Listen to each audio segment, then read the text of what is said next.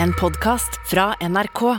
De nyeste episodene hører du først i appen NRK Radio.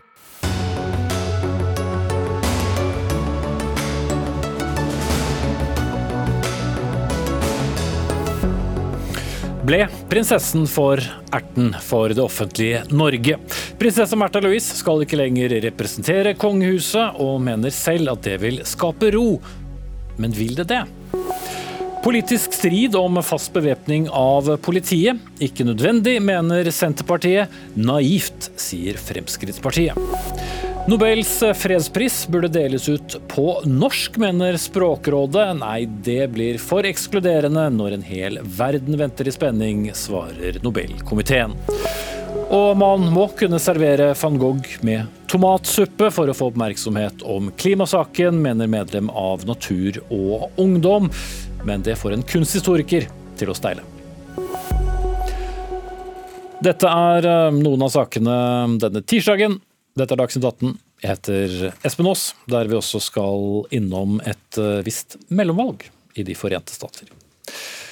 Men så er det altså klart, prinsesse Märtha Louise skal ikke lenger eh, representere kongehuset. Du vet prinsessen med den noe kontroversielle forloveden. Det kunngjorde hun i en Instagram-video i dag, etter at eh, så mange av forlovedens påstander og uttalelser har vært gjenstand for diskusjoner. La oss også høre hva kongen sa i ettermiddag.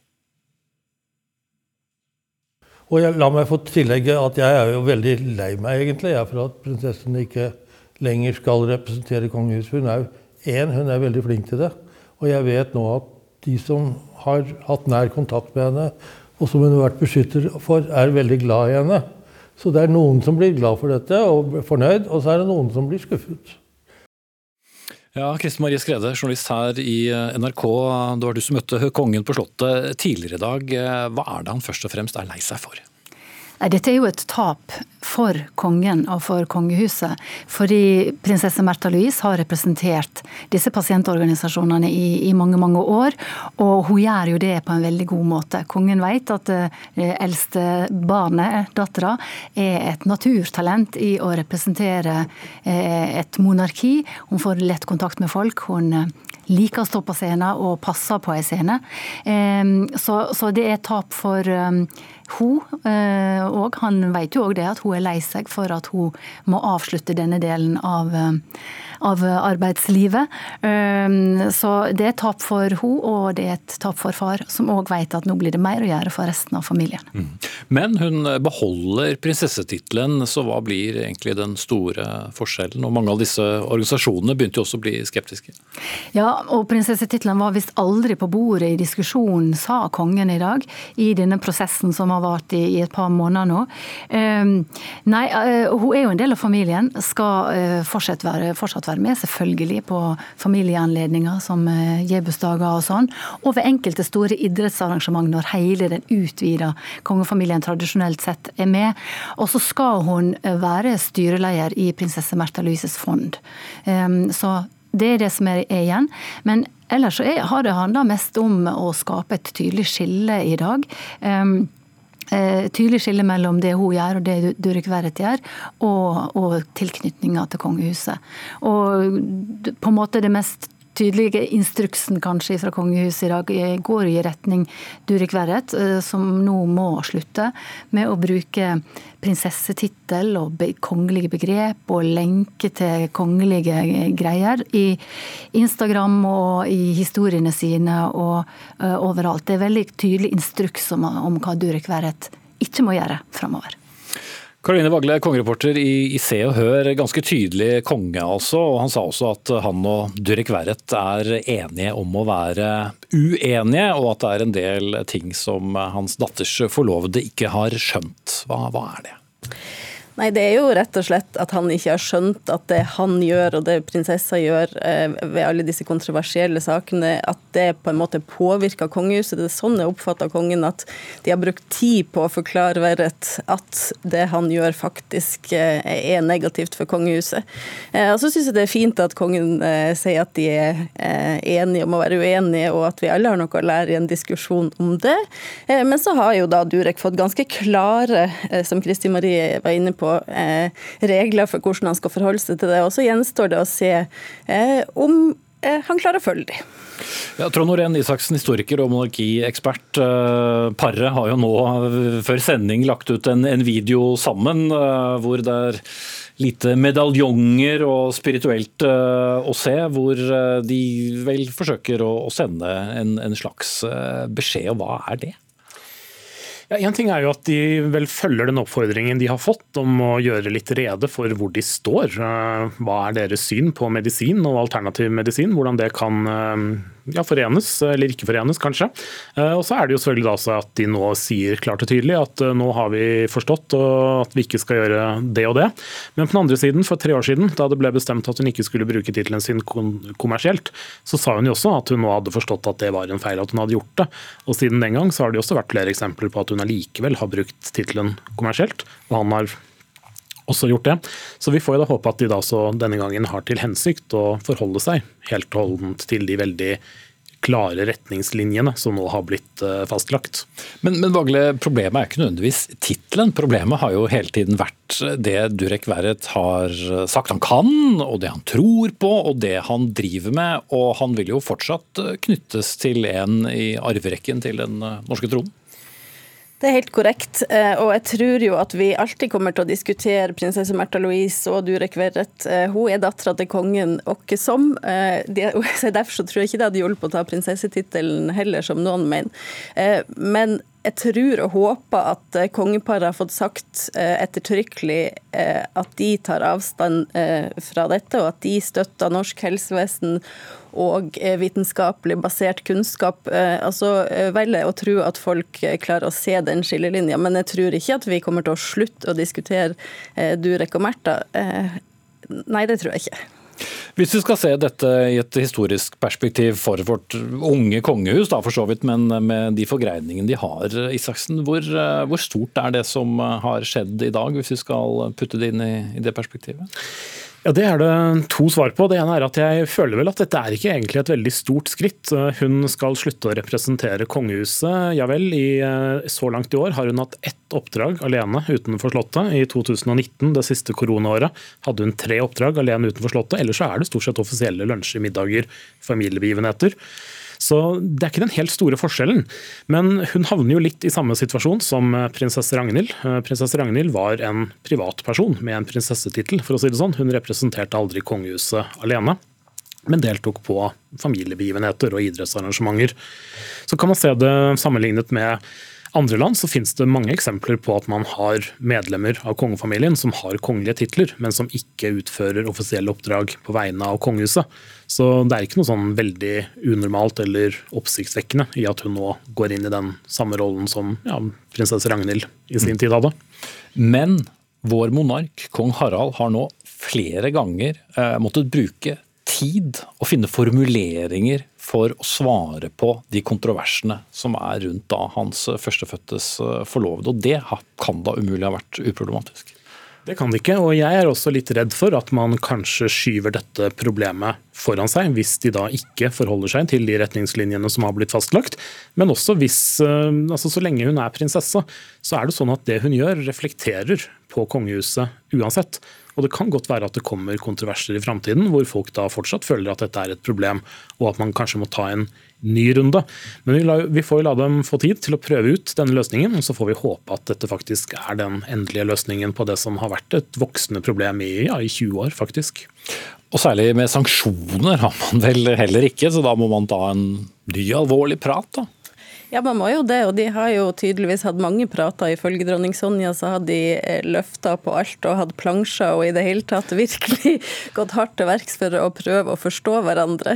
Eh, de sier at de nå eh, har forstått hverandre bedre, så får vi håpe at, at det betyr at Durek har skjønt hvor denne skillelinja går også. Nei, de har ikke så mange sanksjoner. Som jeg var inne på i stad, så tror ikke jeg heller at det å ta fra prinsessetittelen vil gjøre noe forskjell. Hun er kongens datter eh, uansett, og eh, vil alltid, hun vil alltid knyttes til kongehuset. Mm.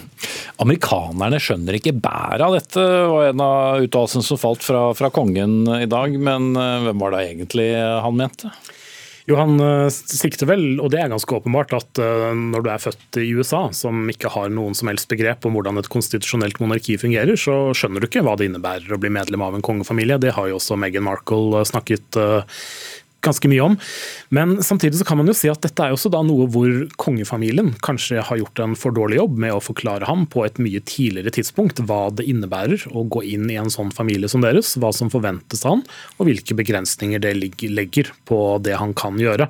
Så skal man være etterpåklok, så kan man kanskje si at man burde tatt denne prosessen her på et eh, mye tidligere tidspunkt enn nå. Selv eh, statsminister Jonas Gahr Støre har uttalt seg om denne saken i dag. Han sier at det er et eh, klokt eh, valg. Hva slags reaksjoner har ellers kommet? Nei, jeg, tror mange eh, syns at det er klokt å vente på at noe skulle komme. Det lå i kortene at noe skulle komme, og jeg tror absolutt at det var på tide. Eh, og så ser jeg noen eh, reagere på fremstillinga til spesielt Märtha, at hun på en måte skylder på at det blir alltid oppstuss når kongelige forlover seg. Det tror jeg jo ikke er helt rett. Igjen så tror jeg vi må påpeke at, eh, at her er det ikke Durek som Märthas kjæreste noen er imot. Det er en del av synspunktene hans som må være til debatt. Jeg tror alle unner Märtha å finne kjærligheten og eh, mener at hun skal få lov å gifte seg med hvem hun vil. Det handler om rolleforståelsen. Det er vel det som er hovedproblemet.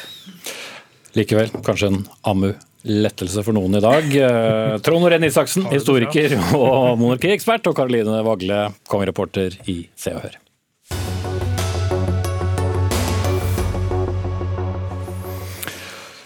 Generell bevæpning av politiet, ja eller nei? Det er spørsmålet som et ekspertutvalg eh, har fått eh, oppgave i å se på. I går leverte de, som sikkert mange fikk med seg, rapporten til justisministeren, der fem av de åtte medlemmene ønsker at politiet skal være bevæpnet. Justisministeren poengterte at eh, de to regjeringspartiene, Arbeiderpartiet og Senterpartiet, har programfestet et ubevæpnet politi, noe nesten alle partiene på Stortinget også ønsker, unntatt dere i Fremskrittspartiet, leder Sylvi Listhaug. Hva er det dere vet som ikke de andre vet? Vi vet jo det som utvalget nå sier, et flertall i utvalget, at det er på tide at Norge nå innfører en generell bevæpning av politiet. Det handler jo om at verden er gått videre. Kriminaliteten i Norge utvikler seg, og politiet sjøl allerede fra 2012 Eh, ha et ønske om da å få generell bevæpning. Mm. Når politiet sier, eh, for jo, de var jo flertall da, mm. i flertallet, for å formulere det litt klønete, men en ganske klar beskjed derfra. Hvis da landets justisminister som viser til sitt eget parti og det andre regjeringspartiets uh, partiprogram, sier nei. Hvilket signal sender det? Jeg synes det sender et ganske feil signal. Dette handler jo om de som er ute og representerer ordensmakta, som uh, skal ta vare på tryggheten til befolkninga. Og når de er så tydelige på at de trenger våpen for å gjøre den jobben på en bedre måte, så er det jo veldig spesielt om ikke politikerne følger opp. Det er jo sånn at dette kan være forskjellen på liv og død fordi at den måten vi gjør det på i, i, dag, gjør at det tar ekstra med tid å hente ut et våpen. Tid som man kanskje i en del situasjoner ikke har. Mm. Så jeg håper nå Senterpartiet tar inn over seg hva politiet sier, og at de støtter Fremskrittspartiets eh, ønske, som vi har hatt i mange år, om å gi politiet verktøy. Justisminister Emil Enger Mehl takker nei til å delta her, men partifelle og stortingsrepresentant Hans Inge Myhrvold, du er her. Hvorfor er det bedre at eh, politiet må gå hente våpen i en skarp situasjon, enn at de skal ha det på seg? Nei, vi mener jo at eh, den fleksibiliteten som er knytt til våpen i dag, er ganske stor. Eh, både i forhold til punktbevæpning, f.eks. Oslo lufthavn, Bergen lufthavn. Vi har midlertidig generell bevæpning, en situasjon vi står i akkurat nå. Eh, og så har en jo da denne framskutte lagringa, som gjør at politiet i løpet av sekunder kan agere i forhold til situasjonsbildet. Så vi har et helt klart uh, bilde på at uh, politiet har de uh, mulighetene som, som, ligger der. Men, men vi, Det har vært flere perioder da hvor det har vært generell bevæpning av, av politiet. Hva er det vi taper på å la det være permanent som, som nasjon? Ja, vi, taper, altså, vi må huske på at politiet er mye mer enn en, en ordensmakt med eh, bevæpning. Vi må huske på at politiet har en stor rolle i forebyggende arbeid rundt forbi i alle landets kommuner. Eh, og Det er et utrolig viktig arbeid som ikke er synonymt alltid med å bære våpen. Derfor så, eh, og, og, og, ikke minst så har vi jo òg det som er essensielle, som jeg vet eh, både justisministeren og andre i regjeringen jobber med. Det er jo bl.a. dette som går på samhandling mellom ulike etater, for å kartlegge bedre den situasjonen som, som politi, politiet står i. Men må alle politifolk bære våpen? Dette? Ja, altså Det er jo det man foreslår, en generell bevæpning. Og det er klart at Politiet sier jo sjøl at de, i de periodene de har hatt bevæpning, at det ikke er gått utover det arbeidet som de skal gjøre. Eh, det er også sånn at ikke det er skutt mer i de periodene dette har blitt gjort. Eh, ikke det er blitt mer eh, problem ut av det på den måten. Sånn at alle de innvendingene som har vært, har jo vist seg gjennom den erfaringa vi nå har gjort helt siden 2014, å ikke slå til. Og Det er jo da jeg er så forundra over at når når vi har denne erfaringa nå gjennom mange år. I Oslo så har man jo i deler av byen hatt bevæpning halvparten av tida.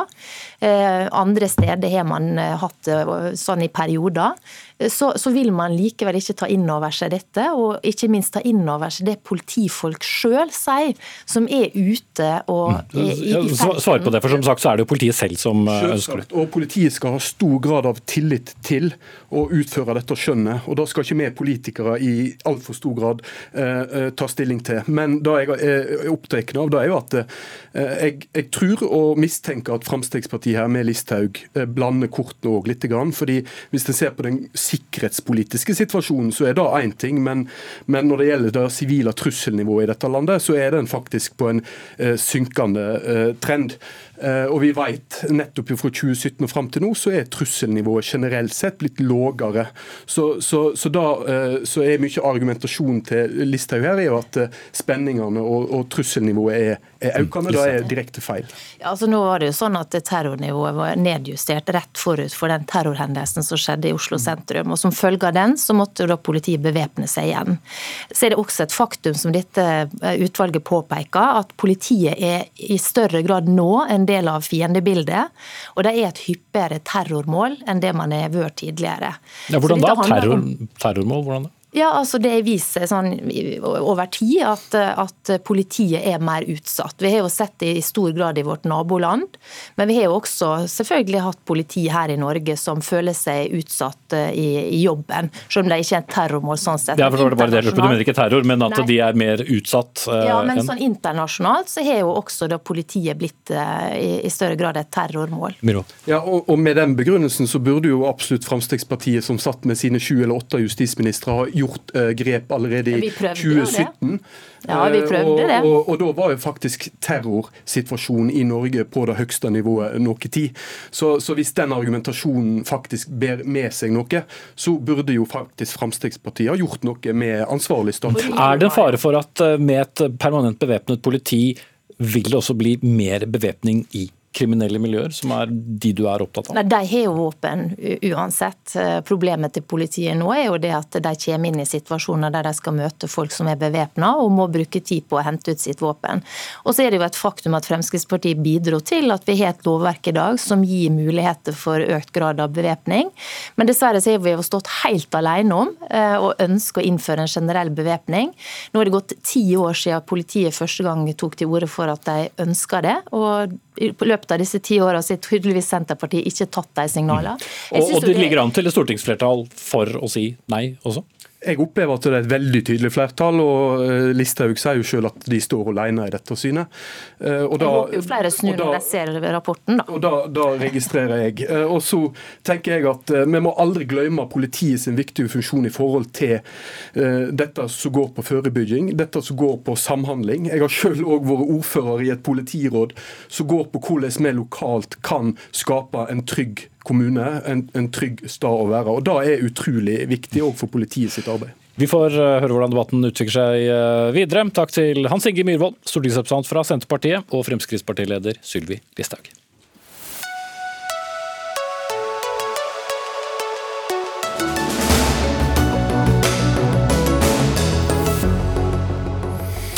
Det kan jo være at du har fått det med deg at det er et mellomvalg i gang i eh, USA. Og dette er den første store politiske testen i landet siden presidentvalget. Samtlige 435 medlemmer i Representantenes hus er på valg. Det er også 35 av 100 senatorer, i tillegg til flere guvernører og lokale myndigheter.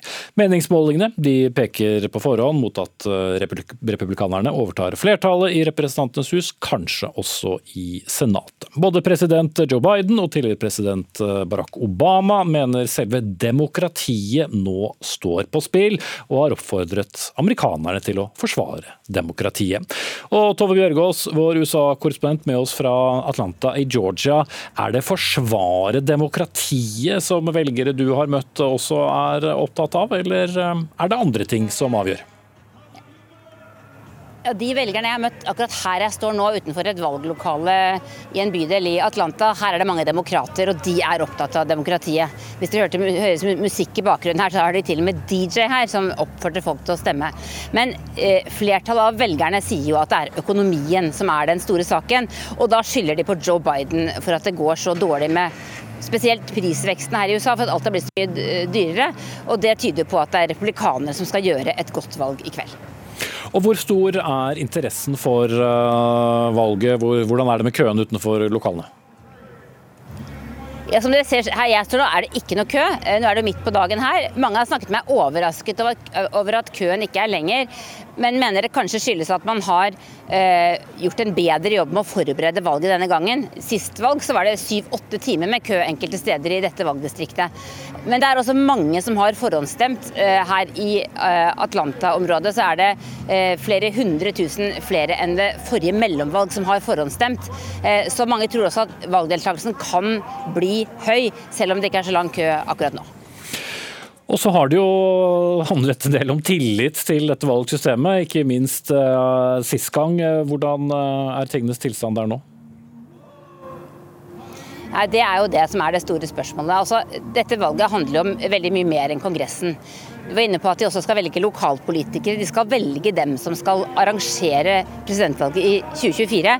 Og mange som stiller rundt omkring i delstatene, også her i Georgia, er såkalte valgfornektere. Altså de mener at Donald Trump kanskje vant valget sist, at det var juks og fanteri, og lover at de skal stramme inn på det. Og her i Georgia har de også strammet inn. Spørsmålet er jo eh, hva denne innstrammingen innebærer. Om den innebærer at en del eh, f.eks. fattige velgere som ikke har førerkort, som kanskje ikke har like store muligheter for å følge stemmen sin fra de kanskje legger den i en konvolutt til den blir talt opp, om de da får mindre mulighet til å la sin stemme bli hørt. Men det er et veldig veldig viktig valg slik sett. Og så er det også knyttet spenning til om det blir bråk etterpå. For det er jo flere kandidater som allerede har sagt at dersom de ikke vinner, så vil de ikke anerkjenne resultatet. Takk skal du ha, Tove Bjørgaas. Eh, Erik Løkke, rådgiver i Civita.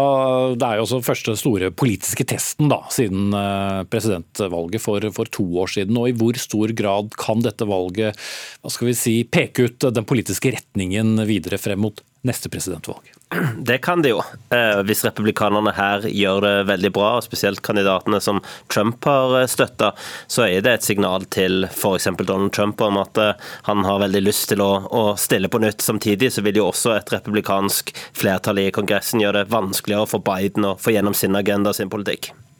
Men hva er det demokratene da skal ha å vise til? For de har jo en liten utfordring, slik for så vidt vår egen regjering og andre har det, med verdenssituasjonen, eh, inflasjon, stigende renter osv. Hva, hva er demokratenes kort?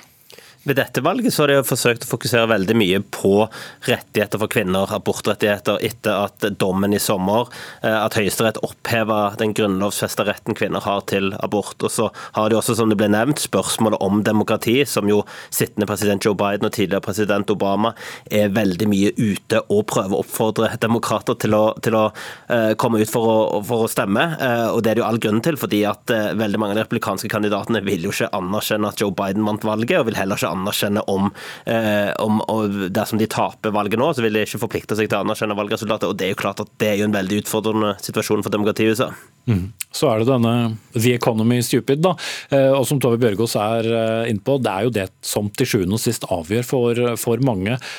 Og det er kanskje ikke demokratiets fremtid som sådan den jevne velger diskuterer hjemme ved middagsbordet? Det er helt riktig. Og det er klart at eh, når vanlige familier sliter med å få enden til møtes, de sliter med høyere bensinpriser. Og husk at i, i USA så er økonomien viktigere enn i Europa, fordi USA har en mindre utvikla velferdsstat. Og da er jo økonomien som sådan viktigere enn f.eks. i Norge. Så, så who can blame them, eh, hvis de er mer opptatt av disse spørsmålene enn det som vi i Europa mener at de burde vært opptatt av, nemlig demokratiets eh, fremtid. Og der har simpelthen ikke demokratene hatt et budskap som har resonnert. Mange mener jo at de burde hørt på Larry Summer, som sa problemet med inflasjon for lenge siden, men, men det gjorde de altså ikke, og nå er de i store problemer.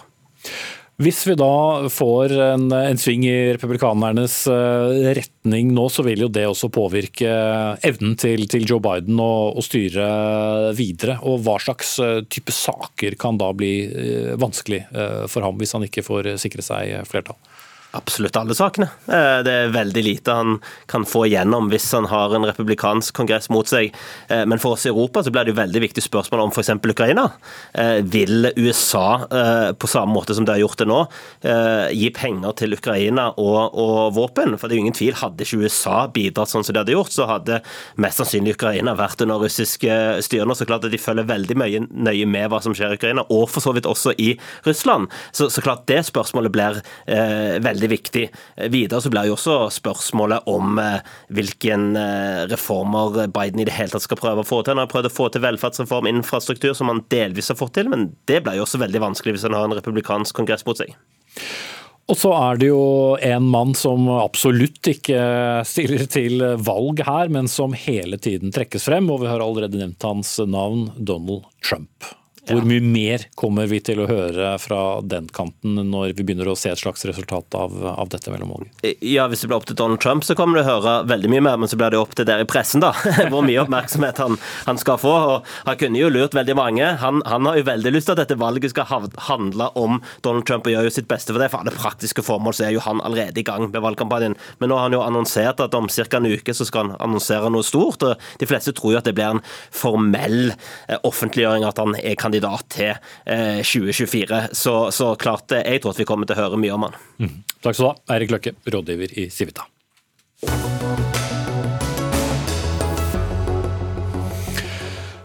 Pressens eh, etikk rundt selvmord og psykisk Uhelse er eh, neste tema i Dagsnytt 18, for i Norge tar om lag 600 mennesker sitt eget liv hvert år. Og Norsk Presseforbund har satt ned et eget utvalg som skal vurdere vårt etiske regelverk og omtale av eh, selvmord. Og Stian Sørheim Espevold, kommunepsykolog i Øygarden kommune. I en kronikk i VG så skriver du at eh, dersom mediene vier mer oppmerksomhet til nettopp disse temaene som psykisk uhelse, så kan det påvirke selvmordsstatistikken. Hvordan da, mener du?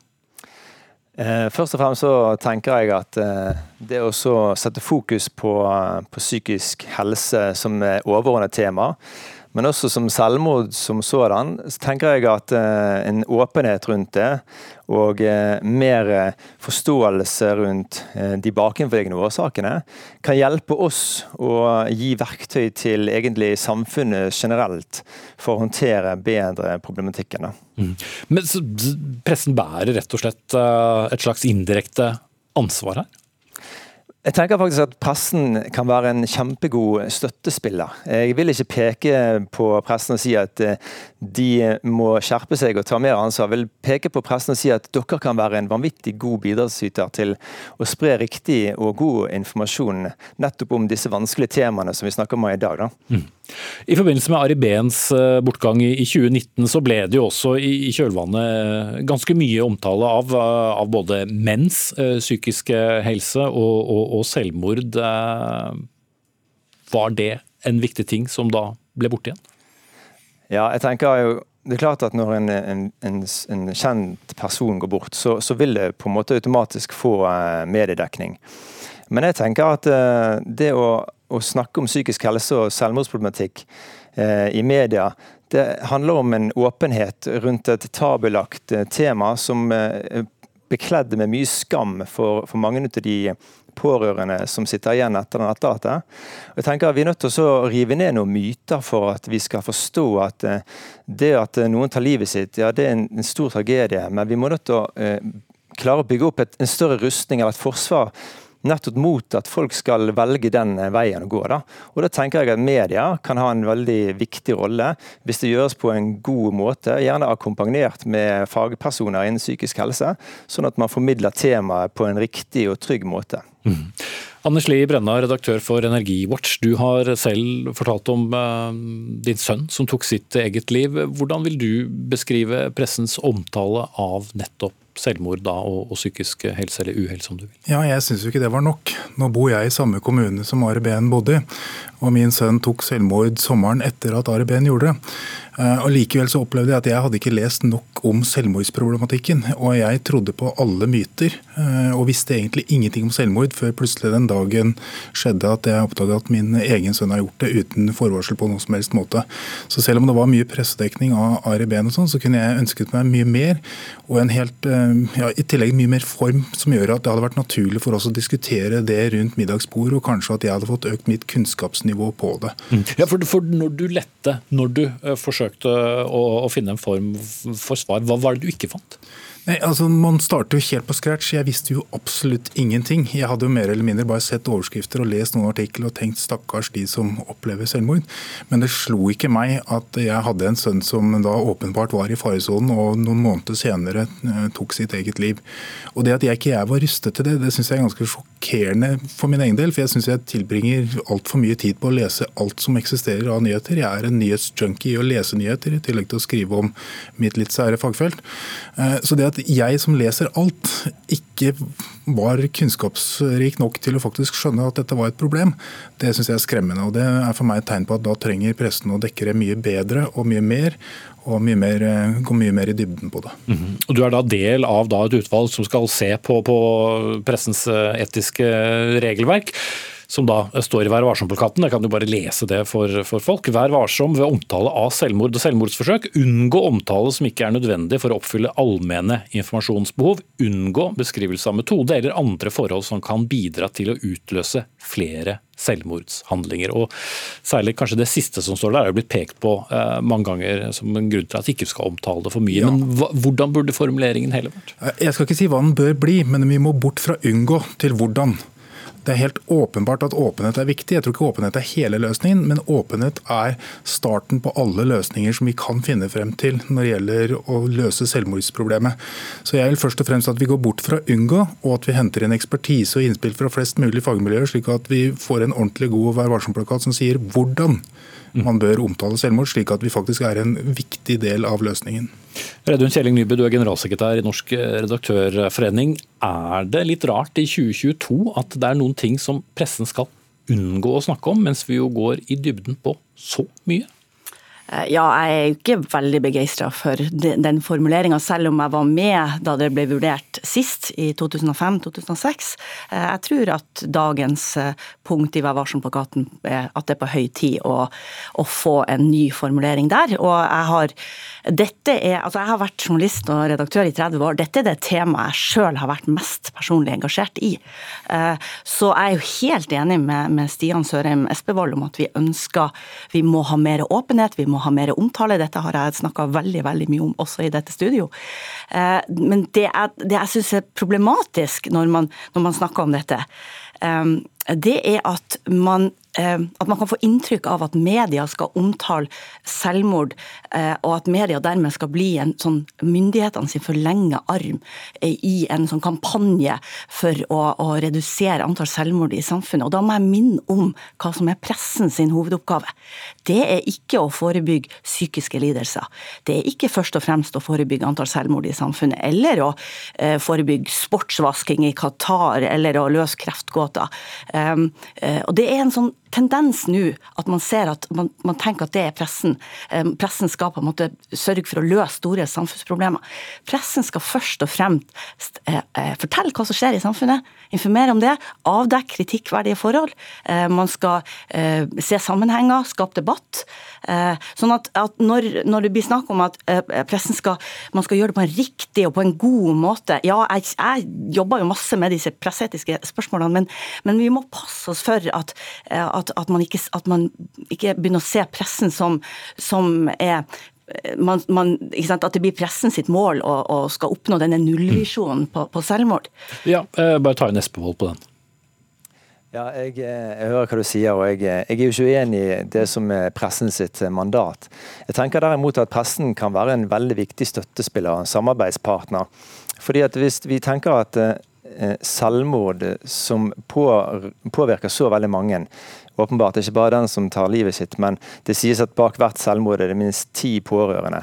Så er det utrolig mange mennesker eh, i året som blir berørt av dette. Og jeg tenker at Det handler ikke nødvendigvis om å snakke om det selvmordet som skjer per se. Det handler om hvordan vi som medmennesker rundt de som ikke har det bra, eh, kan få det bedre. Og det er ingen annen kanal som er bedre å gå ut bredt gjennom enn nettopp media. Jeg som enkel enkelt fagperson kan eh, ha én mening og kan skrive en kronikk om det, men det er jo faktisk gjennom en bred mediedekning at vi kan nå ut med, med gode verktøy og åpne opp for samtalen. For, for, Det kan jo se ut som Nibud, da, at vi, i hvert fall til nå, da, at det har vært en, en, form for berøringsangst nettopp med dette unngå, unngå, som da gjentas uh, i dette punktet i vår Vær. Det har alltid vært et større problem at norske medier er for forsiktige i møte med dette temaet. Uh, det, det, handler jo ikke bare om mediene, det handler jo om hele samfunnet. Det har jo vært tradisjonelt et veldig tabubelagt område i det norske samfunnet. Eh, og så har jo mediene kommet altså Det er jo en helt annen omtale i dag. Eh, I dag ser vi det i dødsannonsene. ikke sant? Vi, vi snakker om det i mye mye større grad. Vi, eh, når, når, en person som er kjent og profilert tar sitt liv, så får vi vite at det er snakk om et selvmord i det øyeblikket vi får vite om dødsfallet. Da er det mye lettere å snakke om det og diskutere det. Eh, men, men, eh, jeg opplever jo at, at, det er for lite omtale, gitt det samfunnsproblemet det er. Poenget mitt er jo at det er mediene sjøl som må bestemme, sånn som med alle andre temaer. Vi er frie og uavhengige. Det skal en være. Det skal være opp til den enkelte redaktør å avgjøre hvordan man gjør det på. Veldig ofte så blir det fra hjelpeapparatet sånn tolka som at, at mediene, her skal vi drive kampanje, mm. Eh, og, og, redus, og, og, det er vårt ansvar å redusere antall selvmord. Ja, Det poenget gjorde du, så jeg vil avslutte med Anders Lie Brenna. Eh, vi skal jo også ta hensyn til etterlatte, som du selv har eh, vært. Og også eh, er det dette som har snakket om med, med, med, smitteeffekt. Men er vi litt forbi det stadiet? Ja, vi er forbi. Og det er ikke bare meg, det er omtrent alle etterlatte jeg snakker om. Så får oppleve det som en bjørnetjeneste at alle skal ta hensyn til oss. Vi har mista den kjæreste vi har. Og det vi ønsker, det som virkelig kan gjøre noe for oss, er at man faktisk tar tak i dette problemet og løser det, eller i hvert fall gjør det mye mindre. Det er den beste måten vi kan hedre de vi savner, og den beste måten dere kan støtte oss, er ikke liksom å gå på tå hev rundt oss, eller noe som helst, men det er å ta tak i problemet og gjøre det pressen alltid skal gjøre i alle andre saker. Gjør god journalistikk på det. Det er noe med respekt for de avdøde og respekt for oss som pårørende. Da får si lykke til med arbeidet videre. Anders Lie Brenna, redaktør i Energiwatch, og Reidun Kjelling Nybø, generalsekretær i Norsk redaktørforening, og med oss på linje Stian Sørheim Espål, kommunepsykolog i Øygarden kommune.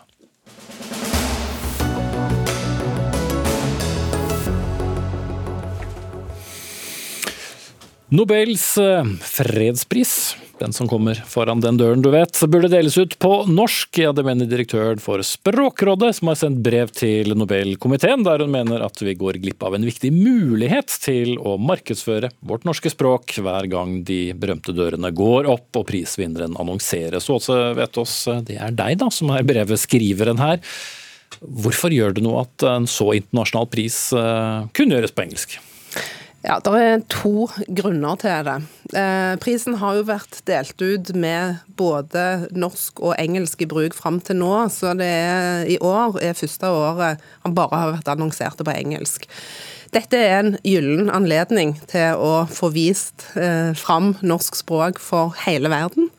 Og så er det sånn at eh, språkmangfold er viktig ytringsfrihet, demokrati og fredsarbeid. Og vi vet at eh, i mange konflikter så er språk òg med i den miksen. Og men, det å vise fram det språkmangfoldet i en sånn anledning, med en sånn en kort annonsering av prisen på norsk, det har en viktig symboleffekt. Men eh, det største publikummet snakker jo da ikke eh, norsk, og dette må jo da oversettes og forklares uansett, så hvor er gevinsten?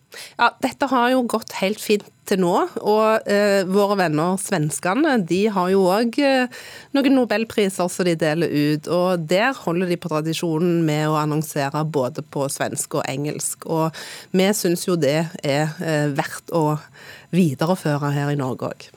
Olav Nølstad, sekretær for Nobelkomiteen, eller i Nobelkomiteen. Eh, ja, Det var eh, tospråklig tidligere. Hvorfor eh, har dere gått bort fra det? Du, det var rett og slett en erkjennelse av at medievirkeligheten i dag eh, ikke er sånn at et internasjonalt pressekorps står andektig og hører på en komitéleder som leser opp en norsk tekst i ti minutter før man slår over på engelsk. Og det er jo ikke riktig som direktøren Vetsaa sier, at dette er første året. Vi har gjort dette i syv år.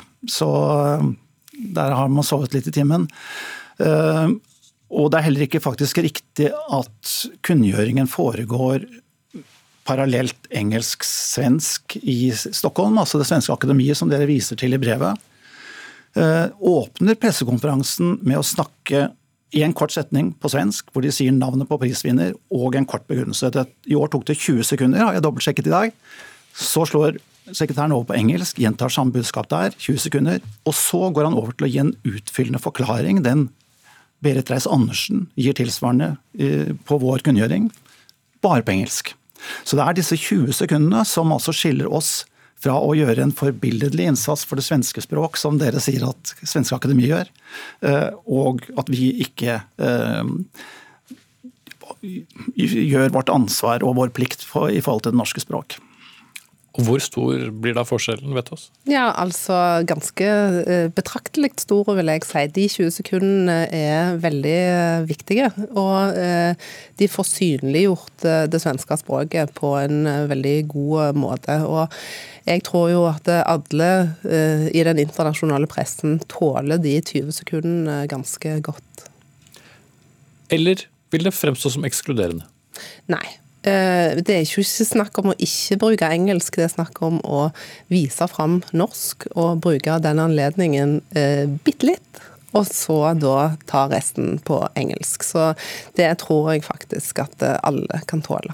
Ja, hvorfor er den eh, svenske varianten uaktuell hos oss? Nei, Vi har jo gått bort fra den ut fra en helhetsvurdering. Og det viktigste for oss er jo hva er den mest effektive kommunikasjonsstrategien. Det er det som er vårt anliggende. Det norske Nobelkomité har jo fått et veldig klart oppdrag gjennom Alfred Nobels testamente. Det er å dele ut en Nobelspris og ha en fest og seremoni, feire prisvinner i desember. Og det er klart, Da tenker man hvordan får vi spredt dette budskapet mest mulig effektivt. Og det er ved å kommunisere på det språket som alle, både i det rommet hvor pressekonferansen finner sted, kan, og som det store eh, publikum internasjonalt kan. Eh, og så vil jeg si en ting til, at Det blir pekt på i brevet at eh, ved å holde kunngjøringen på norsk eller svensk, så får vi tydeliggjort den skandinaviske forankringen til nobelprisen. Men det er egentlig i strid med Alfred Nobels ånd. Han skriver uttrykkelig i sitt testamente at prisen skal gå til den eller de som har gjort den beste innsatsen på disse ulike områdene. Enten han eller hun er skandinav eller ikke. Altså Han var opptatt av at dette skal være en global pris, en internasjonal pris. Han selv snakket fire verdensspråk flytende for å kunne kommunisere best mulig med sine forretningsforbindelser. Så han tenkte ikke skandinavisk. Vet oss.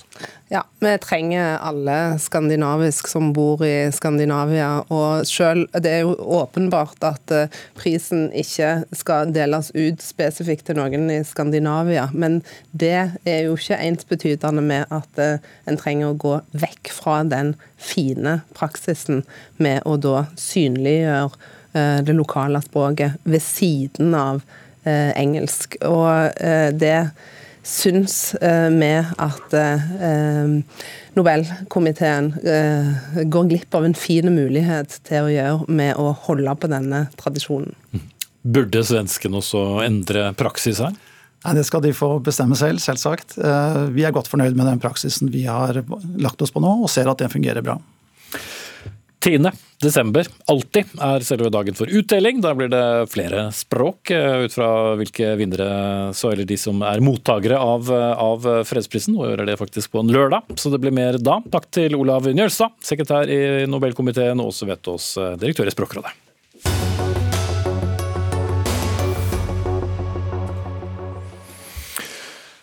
Van Gogh med tomatsuppe kong Charles med kake. Det er ikke eksklusive matretter fra noen meny jeg lister opp her, men snarere resultatet av aksjoner fra klimaaktivister de siste ukene. Ja, senest i helgen ble det kastet suppe på et maleri under en utstilling i Roma. Men det å kaste Nettopp tomatsuppe på van Goghs malerier er faktisk ikke å dra det for langt. Ja, det skrev du i Aftenpostens eh, side i dag, Ingrid Eline Barabes eh, Gøris. Gørrisen, du er student, men eh, medlem av Natur og Ungdom. Hvorfor er det innenfor, som man sier, å, å kaste suppe på malerier? Ja, nå er det sånn at Verken jeg eller den store store majoriteten av eh, klimaaktivister mener det er eh, greit eller eh, innafor nødvendigvis å eh, bruke verken hærverk eller ramponering av, eh, eh, av kunstverk. Eh, men dette her er et virkemiddel som da noen få bruker fordi alle andre typer protester føler man at faller på døve ører. og da brukte jeg da dette her for å ja, spissformulere det litt, og for å starte en debatt. Um, og jeg syns det er litt interessant at jeg her skal snakke med en kunstkritiker, uh, og ikke en politiker, siden jeg synes dette her faktisk ikke snak handler om kunst, men heller å sette uh, fokus på klima. Men er ikke det litt av problemet med disse aksjonsformene, da? enten det handler om angrep på kunst, eller folk som stanser trafikken, eller andre former for uroaksjoner, at det blir nettopp aksjonsformen som uh, ser ut til å alltid bli gjenstand for debatt, og ikke det budskapet budskapet som eh, du og andre skulle ønske vi snakket om? Jeg tenker der så er det eh, en media som setter fokus på feil ting. Og vi har sett at eh, vanlige protester og aksjoner eh, ikke får den typen dekning og gjerne reaksjonen som man skulle ønske. At selv senest for to uker siden i Norge så hadde vi jo de Wisting-aksjonene med masse forskjellige klimagrupper rundt om i landet som knapt fikk dekning. Og når Jeg skulle sterkt ønske at vi kunne holde oss til disse type aksjonene. Men vi ikke da, Vi ser ofte at de bare blir komplett ignorert. Ok, Da har du delvis uh, fortalt uh, vårt publikum at vi skal ha med en kunsthistoriker, og det er deg, det Tommy Sørbø. Er det greit å gå litt ekstra langt når det er en stor og viktig sak for mange det handler om? Ja, men ikke, ikke, denne aksjonen, vil jeg si. Eh, det er eh, altså på vegne av en sak. Jeg støtter eh, målet, og jeg syns Jeg kjenner igjen desperasjonen over at man ikke blir hørt, at man ikke blir sett, at ikke det skjer noe. Men jeg er redd for at dette virkemidlet her er det samme som å skyte seg selv i foten. Man får oppmerksomhet, ja. Men det er mange måter å få oppmerksomhet på. Jeg kunne kle meg naken i studio, legge en, sette en bløtkake på huet, gjøre et eller annet. Men det er ikke sikkert jeg får eh, støtte for mitt syn, min sak, det jeg står for, av den grunn. Eh, jeg tror dette bygger på en fullstendig feilslutning, nemlig at all reklame er god reklame. Og som sagt, dette her tror jeg bare ødelegger, er veldig ødeleggende for, eh, for miljøsaken. I tillegg så er det selvfølgelig veldig farlig for eh, kunsten, for vår felles kulturarv, at noen setter seg til doms og sier at vi har rett på vegne av historien, på vegne av utviklingen, til å ødelegge, rett og slett til å ta kunst som gissel. Det er jo det som skjer her. Mm. Ja, nå synes jeg at eh, det ikke stemmer helt.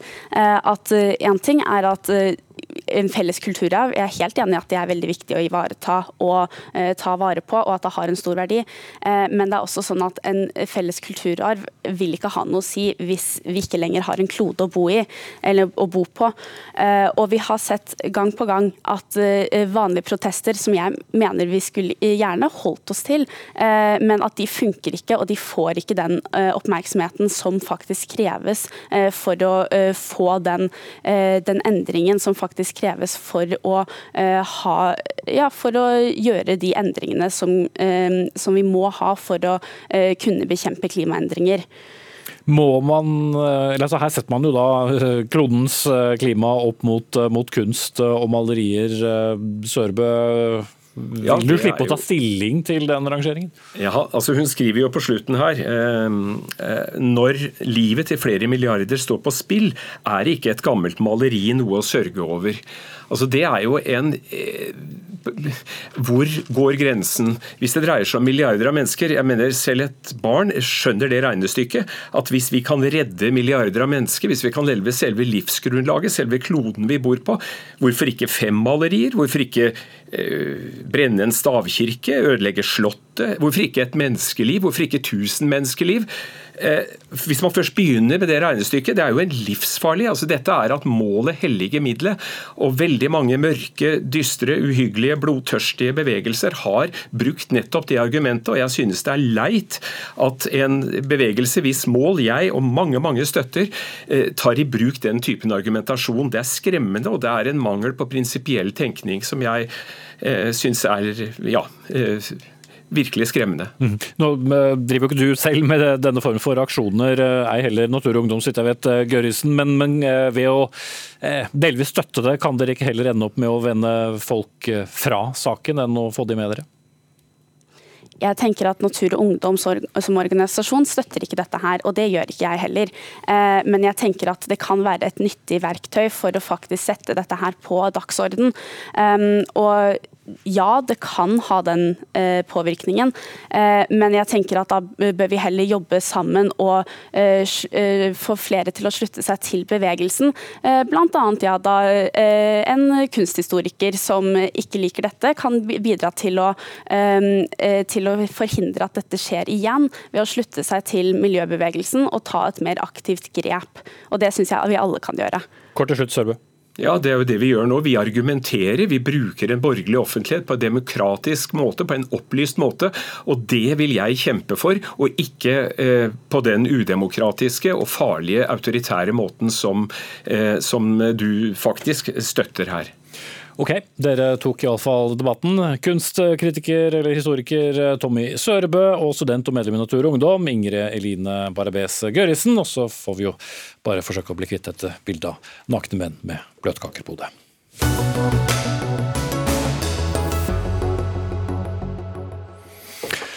Et eh, forslag fra NRKs eh, sportskommentator om at norske skihoppere skal ha en godkjent helseattest før de får sette utfor, har skapt en viss debatt. For en tynn og lett skihopper eh, vil jo nødvendigvis fly lenger gjennom luften enn en tyngre kollega, noe som kan friste enkelte hoppere til å slanke seg litt eh, ekstra. Og Du har fått eh, reaksjoner fra både hopper Maren Lundby og sjefen for hopplandslaget, sportskommentator Jan Petter Saltvedt.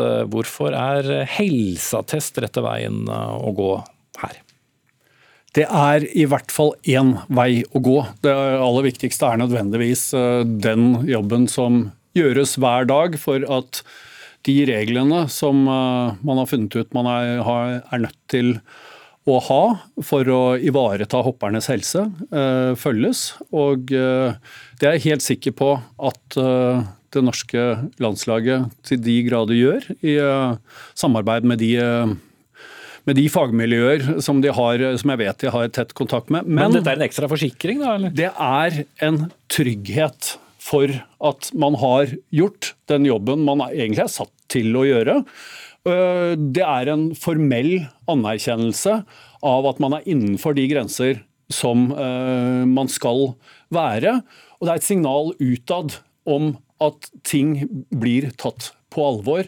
Derfor mener jeg det er eh, viktig å ta det steget, også for hopp, som kombinert, som langrenn, som friidrett og flere idretter har gjort. Mm. Ja, Klaus, Klaus Brede Bråten, eh, du er landslagssjef for hopp. Hvorfor ikke også i hoppsporten når det er i andre sporter? Ja, Først og fremst så eh, er det jo sånn at Utøverne våre går jo gjennom grundige tester hele tida og kan si det sånn at de har helseattester, noen av dem ukentlig, i forhold til oppfølginga. Eh, men basert på rådgivning fra da Saltvedt og andre, så beslutta vi i går å innføre helseattest. Eh, fordi at eh, det var visst viktig for omdømmet vårt, så da gjør vi det. Vi, vi tenker at vi skal lytte på folk som kan ting rundt omdømmet. Det betyr i praksis ingen verdens ting. Eh, av merarbeid eller eh, slike ting for oss. Men eh, siden vi allerede gjør alt det arbeidet og mye, mye mer til, så, så beslutta vi i ledergruppa rundt utøvere i går, sammen med vår lege, at da, kan vi liksom godt gjøre det. Fordi det er litt jobb for legen vår. Og hvis det bedrer omdømmet vårt, så syns vi jo det er en god løsning, vi. Det er jo ikke det. Men når det er sagt, så er jo ja, det Nå ble jeg glad, fordi at jeg har fem minutter igjen av sending. Så hvis dere er enige nå, vær så god. Eh, det viktigste her er jo egentlig å sørge for at idretten blir sunnere. og Da må vi ta tak i regelverket. og Jeg er jo veldig glad for at NRK inviterer oss på beste sendetid til å kunne diskutere noe som er viktig. Noe regelverket er.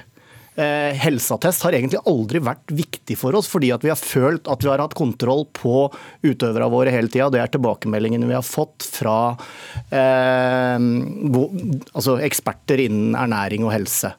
Og, eh, og vi vil gjerne videre. Vi vil gjerne diskutere regelverket i skihopping. Vi innførte i 2004 en BMI-regel. Det er ikke så veldig mange idretter som har.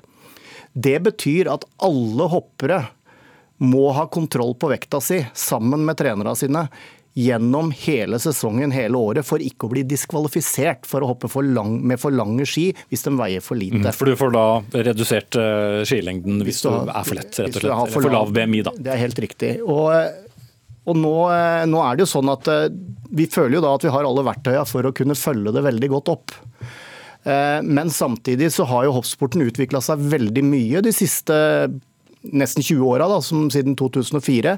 Utøvere har blitt bedre, og de klarer å gå ned i vekt og hoppe med kortere ski eh, og, og hoppe lenger. Derfor må vi nå se på et regelverk som kanskje gjør det mindre hensiktsmessig å presse den vekta ned. Og da håper jeg, da håper jeg at vi kan ta den debatten på en ordentlig måte, eh, gjerne med hjelp fra media, for å få belyst det på en riktig måte. Og så syns jeg at vi kanskje skal være litt mer forsiktige med å, med å stigmatisere vår idrett, sånn som vi opplever at det tidvis blir gjort. Eh, ja, altså jeg, jeg, er jo ikke enig i stigmatiseringen i det hele tatt. Eh, altså Det jeg skrev, Eh, mener jeg fullt og helt er skrevet i respekt for det eh, du har fortalt tidligere om den jobben dere gjør. Eh, for det Maren Lundby, den åpenheten hun klarte å komme med på, et, på, en måte som jeg ikke tror noen utøver, som er både i hennes posisjon og, og er utgangspunktet midt i karrieren, har klart å gjøre før.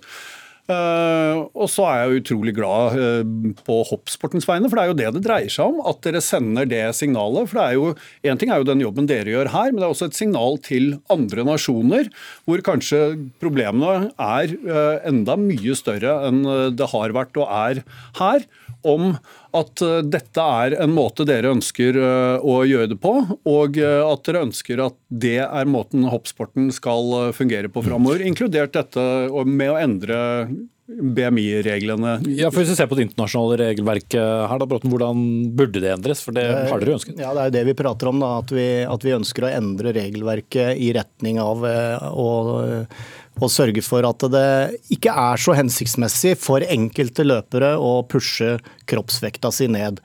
Eh, og, og, Det er ikke sikkert vi får medhold i det, men jeg tror det er viktig at vi gjør den jobben, da, sånn som vi har gjort jobben med likestilling. At vi bruker den kløkten vi har og det nettverket vi har på å påvirke sporten i riktig retning. For til syvende og sist så handler det jo om at idrett, vi er veldig veldig glad i idretten vår. Og vi føler jo da, uavhengig av hva Jan Petter her måtte ha som intensjon, og jeg har veldig stor respekt for, eh, for deg og jobben du gjør, men, men, vi føler jo at vi blir urettferdig angrepet. Fordi at det er toppidrett. Det er jo, det er jo ikke sunt, for å si det sånn. Eh, det handler om å pushe grenser hele tida. Og hvorfor i all verdens land og rike skal alltid debatten dreie seg om vår idrett? Eh, fordi at jeg må bryte deg der, for vi er ved veis ende. Syns du klarer å svare på fem sekunder? Jeg klarer å si det, fordi det er fordi vi engasjerer oss i den idretten dere holder på med, og det kommer vi til å fortsette med. og Da kommer vi sikkert til å bli invitert tilbake til eh, Espen Aas for å diskutere det videre. Som var programleder i kveldens sending. Eh, Erlend Rønneberg var eh, ansvarlig for innholdet. Vegard Erstad tok seg av det tekniske, og det var Jan Petter Saltvedt og Claes Bredbråten som var gjester til slutt her. Takk skal dere ha.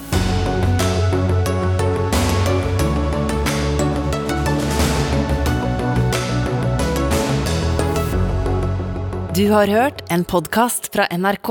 De nyeste episodene hører du først i appen NRK Radio.